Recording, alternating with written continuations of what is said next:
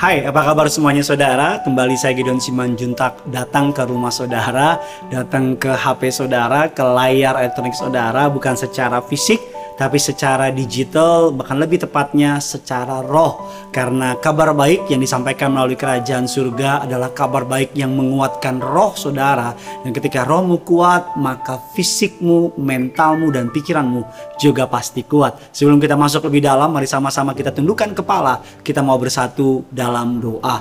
Bapak yang baik, Bapak yang kami sembah dalam nama Tuhan kami Yesus Kristus, betapa hati kami limpah dengan ucapan syukur karena Tuhan memberikan kami kesempatan satu hari lagi untuk boleh mengecap kebaikanmu, untuk boleh menjadi berkat dan untuk boleh mempermuliakan namamu dan kerajaanmu. Pakai di bibir hambamu untuk boleh menjadi berkat bagi umatmu, bahkan hambamu berdoa agar siapa pun yang menonton channel YouTube ini, mereka boleh diberkati, nama Tuhan Yesus yang dipermuliakan sepanjang hari ini, hari berkat, hari mukjizat, hari kemuliaan dari kerajaan surga. Dalam nama Bapa, Putra dan Roh Kudus, dalam nama Tuhan Yesus, setiap kita yang siap diberkati, sama-sama kita katakan amin. Hari ini kita akan membahas sebuah tema adalah hari ini. Iya, hari ini kita akan membahas sebuah tema hari ini. Artinya ketika saudara dan saya berbicara mengenai hari ini, ada sebuah kutipan yang menarik, eh, sebuah pantun lebih tepatnya yang mengatakan demikian. Di mana pujian kecapi berdenting, suaranya terdengar sampai ke pelosok. Menurutmu, hari apa yang terpenting? Kemarin, hari ini, atau besok? Pantun ini membuka perenungan untuk kita. Apa jawab saudara? Hari apa yang penting? Hari ini, besok, atau kemarin? Ada banyak orang ketakutan sama hari besok. Ada banyak orang menyesal sama hari yang akan lalu sampai melupakan tentang hari ini. Padahal Alkitab mengatakan sebuah uh, pepatah mengatakan hari kemarin adalah sejarah, hari esok adalah misteri, hari ini adalah anugerahnya.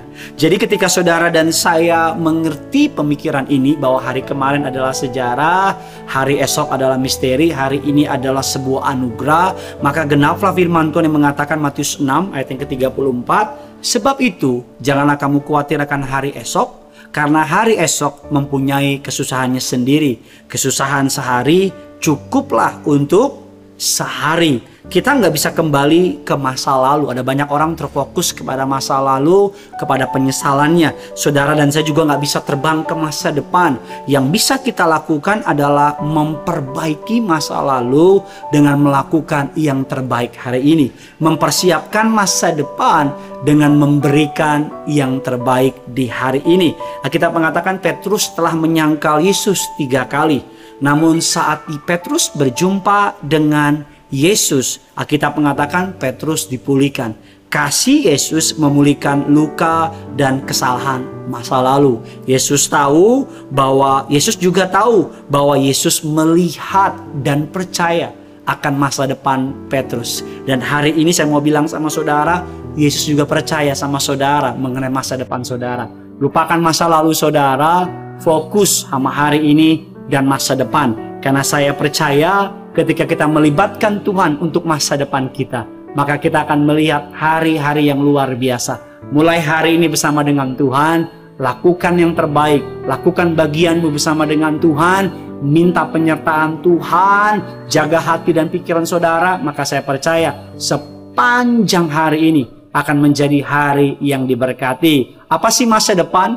Masa depan adalah kumpulan keputusan-keputusan yang kita buat hari ini. Semakin kita pandai mengambil keputusan sepanjang hari ini, maka hari depan akan semakin indah. Sebelum sudah mengambil keputusan, libatkan Tuhan, andalkan Tuhan, minta penyertaan Tuhan. Maka engkau akan melihat hal-hal yang indah dan luar biasa disampaikan dalam hidup saudara melalui karya Roh Kudus dalam berkat dan mukjizat. Bagikan kabar baik ini sebanyak mungkin kepada orang-orang di sekitar saudara, bilang sama mereka, pergunakan hari ini dengan hikmat dari kerajaan surga, maka hari depan akan menjadi hari yang penuh pengharapan. Lupakan masa lalu saudara, karena masa lalu saudara, saudara sudah tidak hidup di sana, karena masa lalu saudara, Allah sudah mengampuninya, Karena masa lalu saudara menjadi pembelajaran bagi setiap saudara dan saya. Jangan lupa like dan komen renungan ini. Karena semakin banyak yang like, semakin banyak yang komen, maka secara algoritma maka semakin banyak orang yang mendengar kabar tentang sukacita yang punya surga crazy in love with you, with you, dan with you everyone. Sama sama semuanya. Tuhan mengasihi saudara. God bless.